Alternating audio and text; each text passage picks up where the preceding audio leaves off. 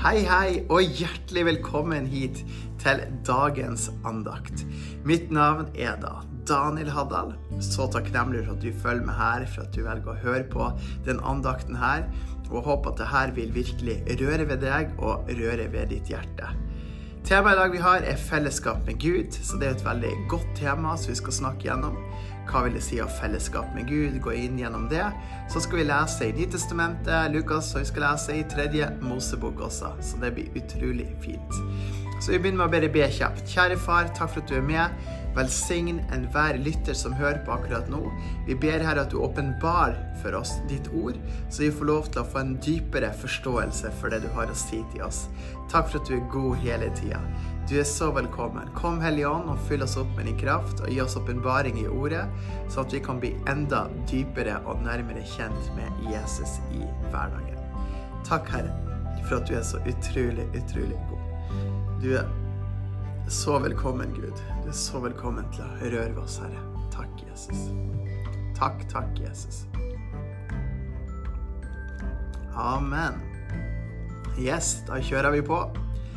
Fellesskap med Gud. 1. Johannes 2,5. Men den som holder Hans ord, i ham er i sannhet Guds kjærlighet gjort fullkommen. Ved dette vet vi at vi er i ham. Og dagens vers, 1. Johannes 4, 12-13. Ingen har noensinne sett Gud. Dersom vi elsker hverandre, blir Gud i oss, og hans kjærlighet er gjort fullkommen i oss. På dette kjenner vi at vi blir i ham og han i oss, for han har gitt oss av sin ånd. Dagens bibelkapitler 3. Mosebok 4-5 og Lukas kapittel 7. Gud har kalt deg til fellesskap sammen med ham. Visste du at evangeliet er som en kjærlighetshistorie om en far som ønsker å få kontakt med sine barn som var fortapte? Gud sendte sin eneste sønn, Jesus, for å dø for meg og deg på korset. Og gjennom troen på Jesus får vi kontakt med Gud far. Det er stort. I det hele så ønsker Gud å ha et tettere fellesskap med oss, så det ikke bare blir teoretisk.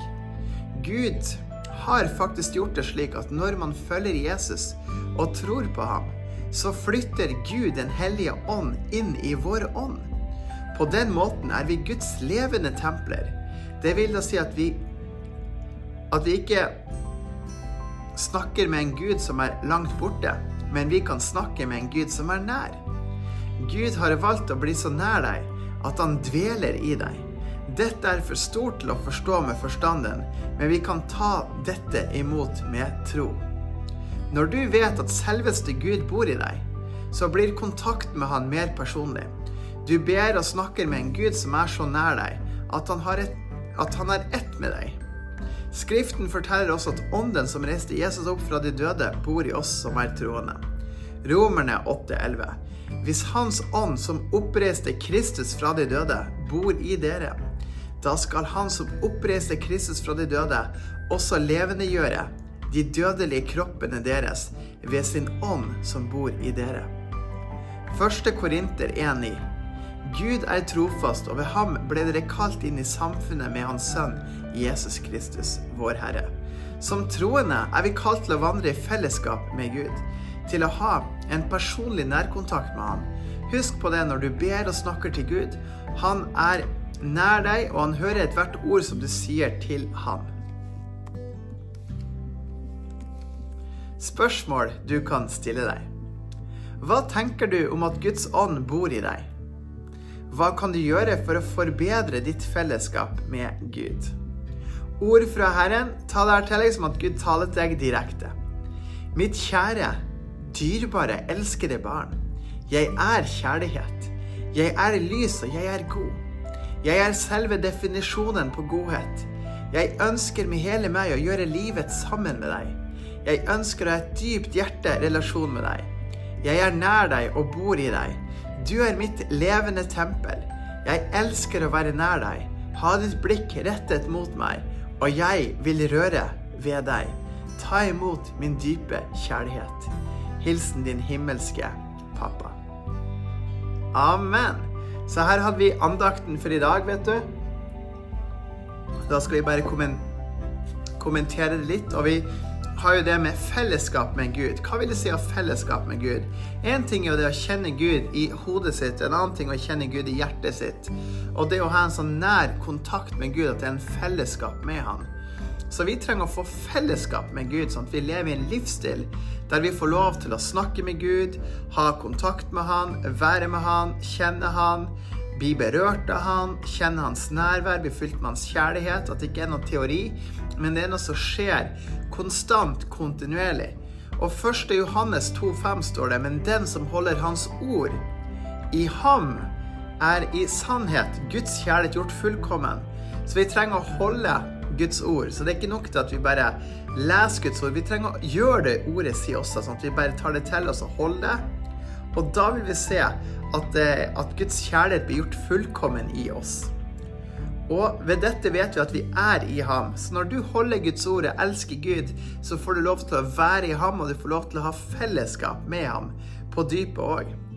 Dagens vers her var jo Johan, 1. Johannes 4, 12-13, hvor det står at ingen har noensinne sett Gud.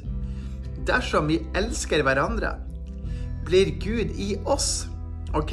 Så dersom vi elsker hverandre, så blir Gud i oss. Og hans kjærlighet er gjort fullkommen i oss. Så vi trenger å elske hverandre, og så blir Guds kjærlighet gjort fullkommen i oss. Og på dette kjenner vi at vi blir i ham og han i oss, for han har gitt oss av sin ånd.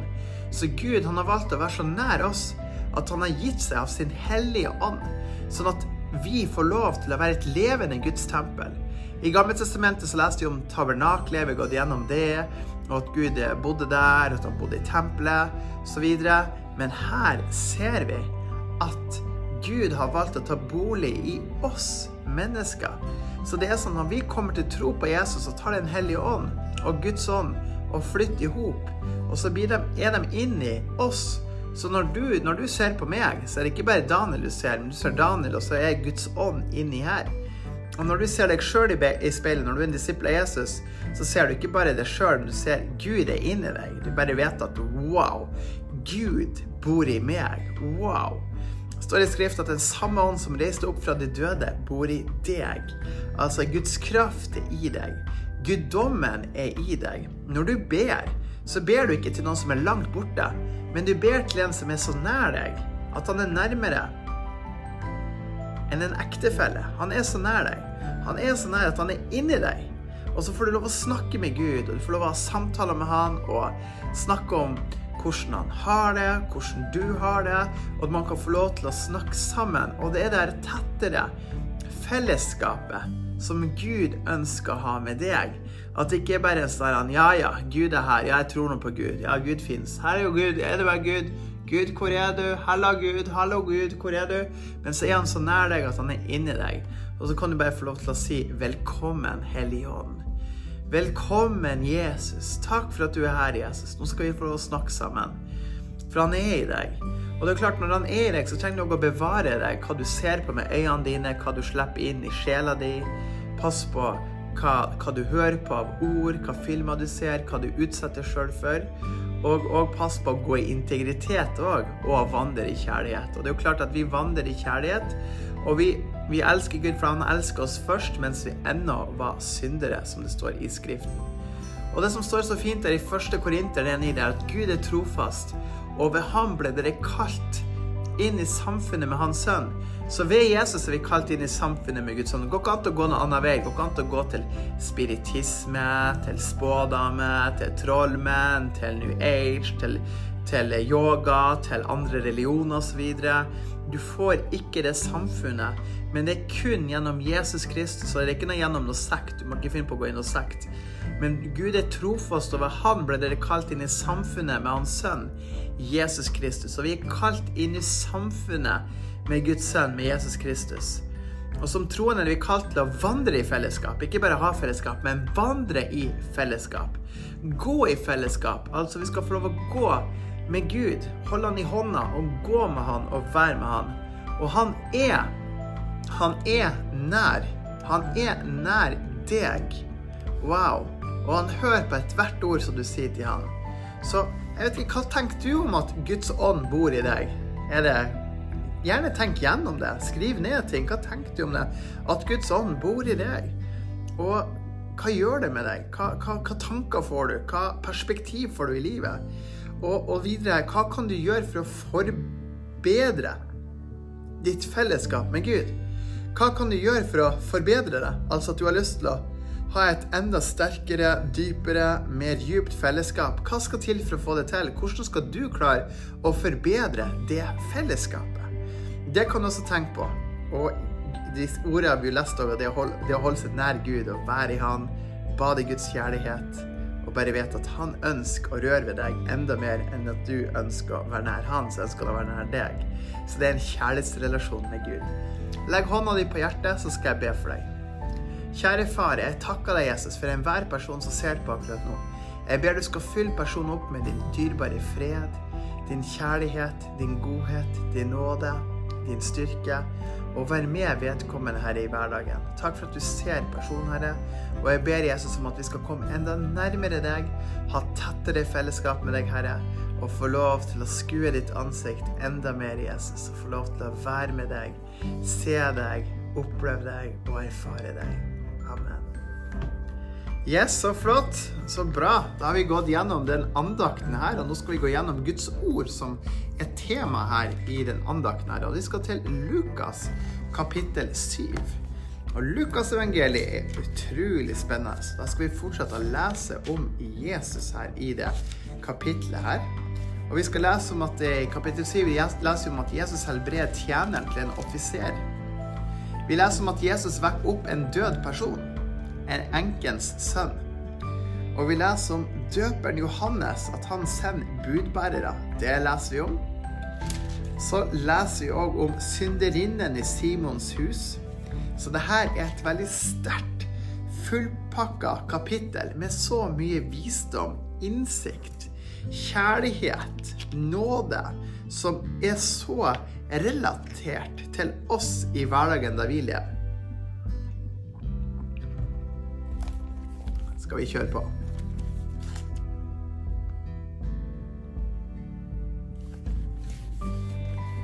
Lukas kapittel 7.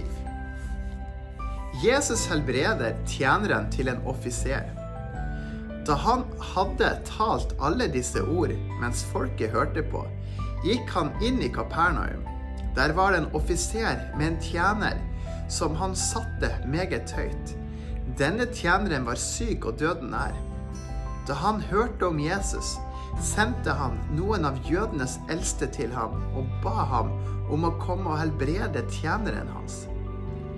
Da de kom til Jesus, ba de ham inntrengende og sa, han fortjener at du gjør dette for ham, for han elsker vårt folk og har bygd en synagoge for oss. Da gikk Jesus med dem, og da han ikke var så langt fra huset, sendte offiseren noen venner til ham og sa, Herre, du skal ikke umake deg, for jeg er ikke verdig til at du kommer inn under mitt tak. Derfor anså jeg meg heller ikke verdig til å komme til deg, men si bare et ord, så blir tjeneren min helbredet. For jeg er også et menneske som er satt under myndighet, og som har soldater under meg. Sier jeg til en 'gå', så går han og til en annen 'kom', så kommer han. Og til min tjener 'gjør dette', så gjør han det. Da Jesus hørte dette, undret han seg over ham. Han vendte seg og sa til folkemengden som fulgte ham, 'Jeg sier dere, ikke engang i Israel har jeg funnet slik en tro.' De som var utsendt, vendte tilbake til huset og oppdaget at tjeneren som hadde vært syk, var blitt frisk. Jesus oppvekker enkens sønn. Dagen etter gikk han inn i en by som heter Nain. Mange av disiplene gikk med ham. Det gjorde også en stor folkemengde. Da han kom nær byporten, se, da ble en død båret ut. Han var sin mors eneste sønn, og hun var dessuten enke. En stor folkemengde fra byen fulgte med henne. Da Herren så henne, viste han inderlig medlidenhet med henne og sa til henne, gråt ikke. Så kom han og rørte ved båren, og de som bar, sto stille, og han sa, unge mann, jeg sier deg, stå opp. Han som var død, satte seg da opp og begynte å snakke. Jesus overlot ham til hans mor. Da kom frykt over alle, og de æret Gud og sa, en stor profet er oppreist blant oss, og Gud har gjestet sitt folk. Dette ryktet om ham nådde utover hele Judea og hele distriktet. Døperen Johannes sender budbærere. Johannes' disipler fortalte ham om alt det som hadde hendt. Johannes kalte til seg to av disiplene sine, sendte dem til Jesus og sa, Er du den som skal komme, eller skal vi vente en annen? Da mennene var kommet til ham, sa de, Døperen Johannes har sendt oss til deg for å si, Er du den som skal komme, eller skal vi vente en annen? Samtidig helbredet han mange for sykdommer, plager og onde ånder, og han ga mange blinde synet. Jesus svarte dem, Gå og fortell Johannes om alt det dere har sett og hørt. At blinde ser, lamme går, spedalske blir renset, døve hører, døde blir vekt opp, og evangeliet forkynnes for fattige og salig er den som ikke tar anstøt av meg. Da utsendingene fra Johannes var gått derfra, begynte han å tale til folkemengden om Johannes. Hva gikk dere ut i ødemarken for å se? Et rør som svaier i vinden? Hva gikk dere ut for å se? Et menneske kledd i fine klær? Sannelig, de som er vakkert kledd og lever i luksus, er i kongers slott. Men hva gikk dere ut for å se? En profet?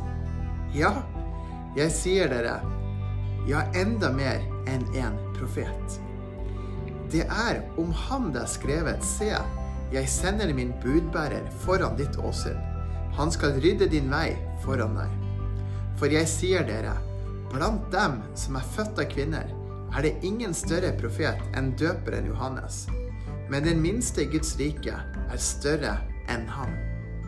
Hele folket som hørte ham, til og med tollerne ga Gud rett, og de ble døpt med Johannes dåp. Men fariseerne og de lovlærde forkastet Guds plan for dem, og de lot seg ikke døpe av ham. Og Herren sa, Hva skal jeg da sammenligne menneskene i denne slekt med, og hva er de lik? De ligner barn som sitter på torget og roper til hverandre, Vi spilte fløyte for dere, men dere danset ikke. Vi sang sørgesanger for dere, men dere gråt ikke. For døperen Johannes var kommet, og han verken spiser brød eller drikker vin, og dere sier han er besatt av en demon. Menneskesønnen er kommet, og han spiser og drikker, og dere sier, se, for en stor eter og vindrikker, tolleres og synderes venn. Men visdommen er rettferdiggjort av alle sine barn synderinnen i Simons hus. Deretter spurte en av fariseerne om Jesus ville spise sammen med ham, og han gikk til fariseernes hus og satte seg til bords. Og se, det var en kvinne i byen, en synderinne. Da hun fikk vite at Jesus satt til bords i fariseernes hus, kom hun med alabastakrukke med velduftende olje. Hun stilte seg bak ham ved føttene hans og gråt. Hun begynte å vaske føttene hans med tårene og tørket dem med håret sitt, og hun kysset føttene hans og salvet dem med den velduftende oljen. Da fariseeren som hadde innbudt ham, så dette, sa han til seg selv, hvis denne mannen hadde vært en profet, ville han visst hvem, hva slags kvinne det er som rører ved ham, at hun er en synderinne. Jesus svarte ham, Simon, 'Jeg har noe å si deg'. Han svarte, 'Mester, si det'. Det var en pengeutlåner som hadde to skyldnere. Den ene skyldte 500 denarer, og den andre 50. Da de ikke hadde noe å betale tilbake med, etterga han begge to gjelden. Si meg da, hvem av dem vil elske ham mest? Simon svarte, jeg vil tro det må være den som han etterga mest. Jesus sa til ham, du har dømt rett. Så snudde han seg til kvinnen og sa til Simon, Ser du denne kvinnen? Jeg kom inn i huset ditt. Du ga meg ikke vann til føttene, men hun har vasket føttene mine med tårer og tørket dem med håret sitt. Du ga meg ikke noe kyss, men denne kvinnen har ikke holdt opp med å kysse føttene mine siden jeg kom inn. Du salvet ikke hodet mitt med olje, men denne kvinnen har salvet føttene mine med velduftende olje. Jeg sier deg, hennes synder, de som er så mange, er henne tilgitt. Derfor elsker hun så mye. Men den som har fått lite tilgitt, elsker lite. Så sa han til henne, dine synder er deg tilgitt. De som satt til bords med ham, begynte å si med seg selv, hvem er denne som til og med tilgir synder? Så sa han til kvinnen, din tro har frelst deg, gå bort i fred.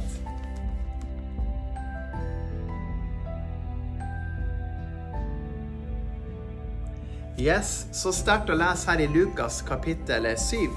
Og jeg tenker på den her kvinnen som kom og var synder og kom inn i fariseernes hus.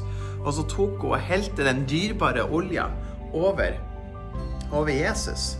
Og, og, og, og, liksom begynte liksom å kysse på føttene hans og så videre, og tørke det med håret sitt. Og Simon fariseeren han bare liksom ser med stygge blikk på det. Og så sier Jesus, 'Hvem er det som elsker mest?' ut fra den lignelsen så sier han jo egentlig det her, at Og det er det vi kan ta til oss, er at den som har gjort masse gærenskap og fått tilgivelse, elsk er jo mer takknemlig enn den som har gjort lite gærenskap og fått tilgivelse. Hvis én person er skyldig 10 millioner kroner til noen, og får det ettergitt, eller hvis en person er skyldig 100 000 for noen, til noen, så ville den personen som er skyldig 10 millioner, være mer takknemlig enn den som var skyldig 100 000 og fikk det ettergitt. Så det er noe i det her som vi kan ta til oss og forstå det. Og, og Jesus han sa at du var ikke så begeistra for å se meg, Simon. Ikke, ikke tørka du fotene mine, osv. Ikke vaska du fotene mine. Og, hun her, hun har ikke stoppa meg å kysse fotene mine. Og det var noe han kunne si, fordi at Jesus han ser etter folk som er overgitt, som har en, en intimitet til ham. Tenk òg på den her i kapittel 7 i begynnelsen som vi leste om. Jesus helbreder tjeneren til en offiser. Og det er litt sånn sterkt, fordi at han gikk jo inn i Kapernaum, Jesus. Og så kom de og fortalte at det var en offiser som var syk, men offiseren her var jo ikke jøde. Men de, de sa at han her han fortjener å bli helbreda. Det er egentlig første gangen i Skriften så å si at noen kommer og sier han her fortjener å bli helbreda. De står der da de kom til Jesus, ba de om inntrengende og sa han fortjener at du gjør dette for ham, for han elsker vårt folk og har bygd en synagoge for oss. Så egentlig det, sa, det, var, det de sa, det var at du, han her trenger å bli helbreda, for han elsker Israel, og han har bygd en synagoge for jødene. Den her romerske offiseren. Og denne offiseren skapte sånn inntrykk på Jesus fordi at den, han ga melding til Jesus med en tjener og sa jeg er ikke verdig til å jeg er ikke verdig engang til å komme til deg, men bare si ordet. Bare si et ord, så skal tjeneren bli helbredet. For jeg er sjøl et menneske med autoritet og myndighet. Sier til tjeneren min 'gå hit', så går han hit. Sier jeg 'kom', så kommer han. Så derfor kunne han si til Jesus, fordi at jeg har den posisjonen, så vet at du har det. Og Jesus valgte sa Aldri har jeg sett en sånn tro i hele Israel, sa, sa Jesus. Og, og, det var liksom så Det var veldig sterkt for Jesus, som sier Jeg sier ikke engang i Israel jeg har sett funnet slik en tro. Og så ble tjeneren helbredet. Wow, det er sterkt. Fantastisk bra. Gud er god, altså. Da skal vi lese videre. Vi skal til eh, Vi skal til tredje Mosebok, kapittel fire og fem. Så la oss gå dit. Har du Bibel, så finn den frem. og eller gå inn på nettbibel. Og hvis ikke, så gjerne bare lytt til, til Skriften her og ta imot også. Det er også veldig godt å bare kunne posisjonere seg til å ta imot. Vi er i kapittel fem, og uh, unnskyld, vi er i kapittel 4 og 5 i tredje Mosebok, og vi skal lese om syndeoffer. Vi skal lese om syndeoffer for forskjellige overskjedelser og lover om skyldoffer, og det er egentlig det vi skal lese akkurat nå. Så la oss sette i gang og gjøre det. Og syns du det oppmuntrer det her, så gå inn på Spotify og søk etter Daniel Haddal der. Så vil det her komme opp òg. Og gjerne søk etter det på, på YouTube. Herrens herlighet osv. Så, videre. så kan du følge med her. La oss sette i gang.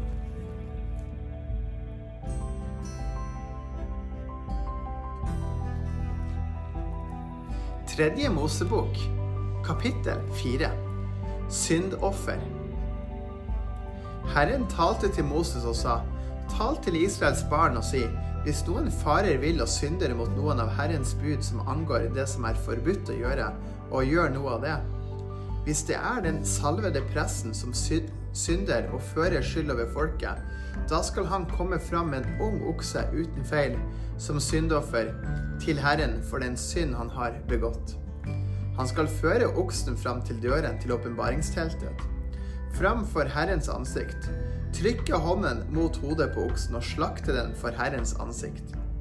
Så skal den salvede pressen ta noe av blodet fra oksen og føre det frem til åpenbaringsteltet.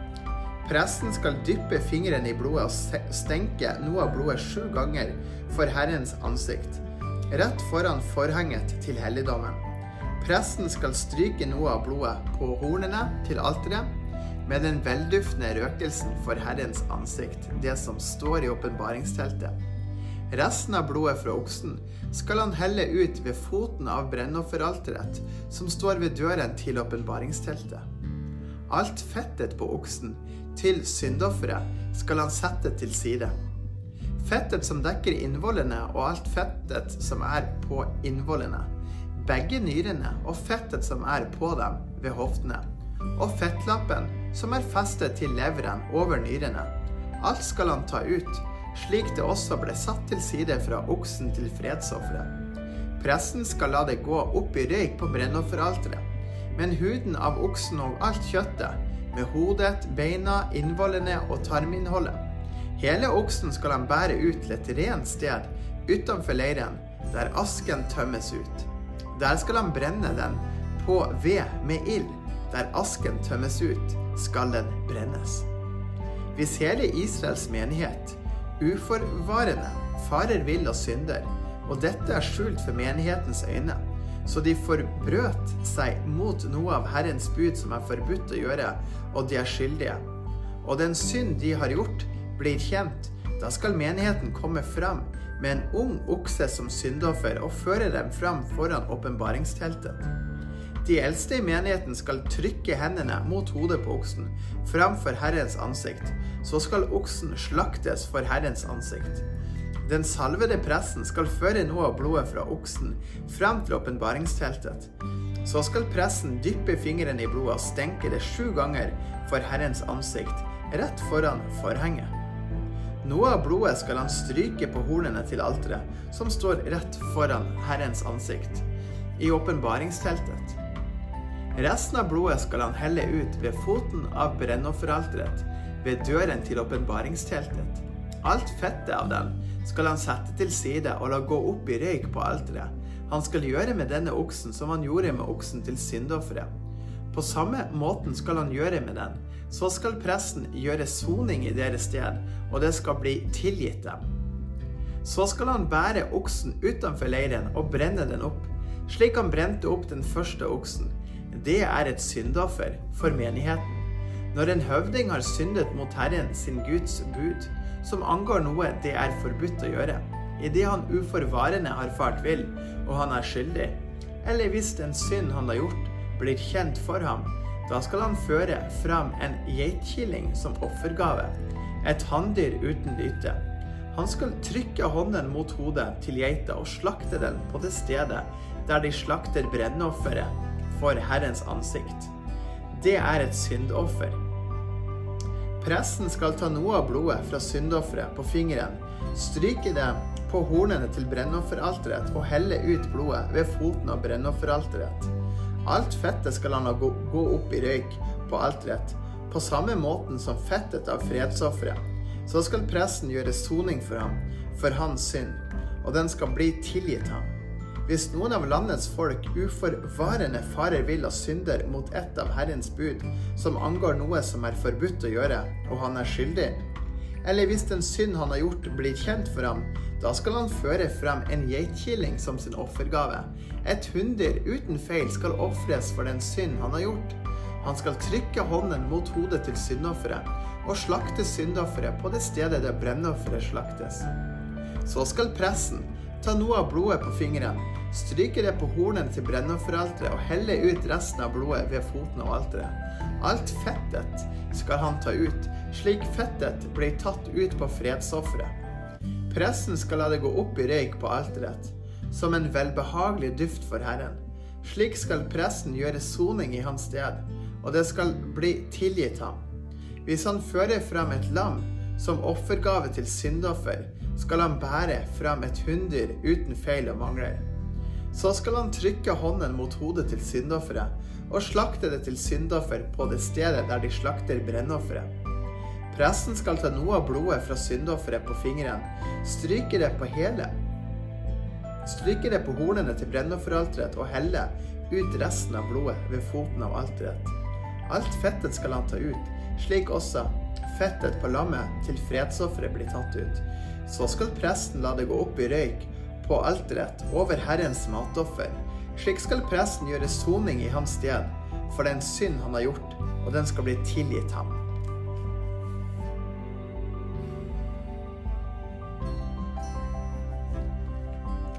Tredje Mosebok, kapittel 5. Syndoffer for forskjellige overtredelser. Hvis noen synder ved at han hører edes, edsvalveggelsen når han møter som vitne i en sak, enten han har sett noe eller kjenner til noe, men ikke forteller det han vet, må han bære sin misgjerning. Eller hvis noen rører ved noe som er urent, enten det er åtselighet av et urent villdyr, eller åtselighet av et urent dyr fra budskapen, eller åtselighet av et urent krypdyr, og det skjer uten at han selv merker det, da skal han også være uren og skyldig. Eller hvis han rører ved urenheten hos et menneske, Uansett hva slags urenhet et menneske kan være besmittet av, og det skjer uten at han selv merker det, da skal han også være skyldig når han får kjennskap til det. Eller hvis noen sverger og taler tankeløst med sine lepper om å gjøre ondt eller godt, uansett hva det er et menneske i tankeløshet kan sverge på, og det skjer uten at han selv merker det, da skal han være skyldig i hva det enn er, av alt dette når han får kjennskap til det. Da skal det skje når noen blir skyldig i noe av dette, skal han bekjenne hva han har forsyndet seg med. For den synd han har gjort, skal han føre fram skyldofferet sitt til Herren. Et hunndyr av småfet, et lam eller en geitkilling som et syndoffer. Så skal presten gjøre soning i hans sted for hans synd. Hvis han ikke har råd til et lam, skal han føre fram for Herren to turtleduer eller to unge duer som skyldoffer for den synd han har gjort. Den ene skal være et syndoffer, den andre et brennoffer. Han skal føre dem fram til presten, som først skal komme fram med den som er til syndoffer. Han skal vri hodet av den ved nakken, men uten å rive det helt av.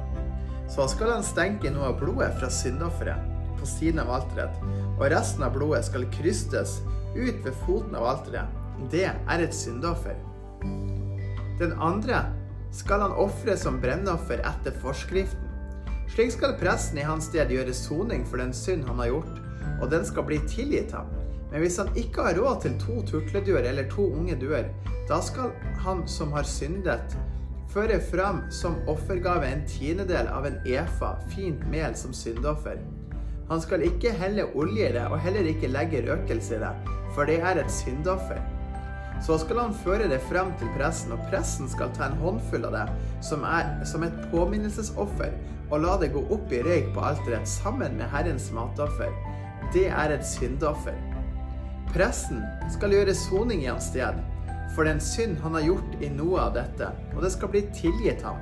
Det som blir til over, skal tilhøre presten, som med grødeofferet. Lover om skyldoffer. Deretter talte Herren til Moses og sa:" Hvis noen handler uforvarende, farer vill og synder mot det som er hellig for Herren, da skal han føre fram en feilfri vær av småfett som skyldoffer til Herren. Du skal fastsette verdien på den i sølvsjekel ut fra helligdommen sjekel som skyldoffer. Han skal gi erstatning for den synd han har gjort mot det hellige. Legge til en femtedel og gi det til presten så skal presten gjøre soning i hans sted med væren som skyldoffer, og det skal bli tilgitt ham. Hvis noen synder og uten å vite det gjør mot et av Herrens bud, som det er forbudt å gjøre, da er han likevel skyldig og skal bære sin misgjerning. Som skyldoffer skal han da føre en feilfri vær av småfet fram til presten. En du har fastsatt verdien på, så skal presten i hans sted gjøre soning for det han gjorde, da han for vill uten å vite det. Og det skal bli tilgitt ham. Det er et skyldoffer. Han har sannelig blitt skyldig overfor Herren. Herren talte til Moses og sa, dersom noen synder og handler troløst mot Herren ved å lyve for sin neste om noe som ble betrodd ham, eller noe han fikk til forvaring, eller et tyveri, eller at han har tatt noe fra sin neste ved utpressing, eller han har funnet noe som var mistet, og lyver om det å sverge falskt, om hvilken sak det enn er som en mann kan synde i. Da skal det skje, siden han har syndet og er skyldig, han skal gi tilbake det han har stjålet. Det han har tatt ved utpressing, det som ble betrodd ham, eller det som var mistet og han fant, eller hva det enn er han har sverget falskt om. Han skal erstatte den fulle verdien. Legge til en femtedel og gi det til den som eier det, den dagen han ofrer skyldofferet sitt. Han skal føre skyldofferet sitt frem til Herren, en feilfri vær av småfet, en du har fastsatt verdien på, som skyldoffer til presten. Så skal presten gjøre soning i hans sted for Herrens ansikt, og han skal bli tilgitt hva som helst av alt det han måtte ha gjort seg skyldig i.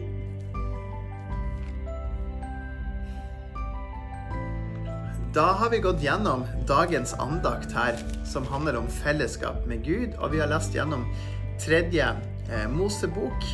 Og det har vært flott å lese her kapittel fire og fem. Så takk for at du har fulgt med den andakten her. Må Gud velsigne deg rikelig, og må Hans fred være over deg. Amen. Ha det godt så lenge. Så ses vi ved neste anledning.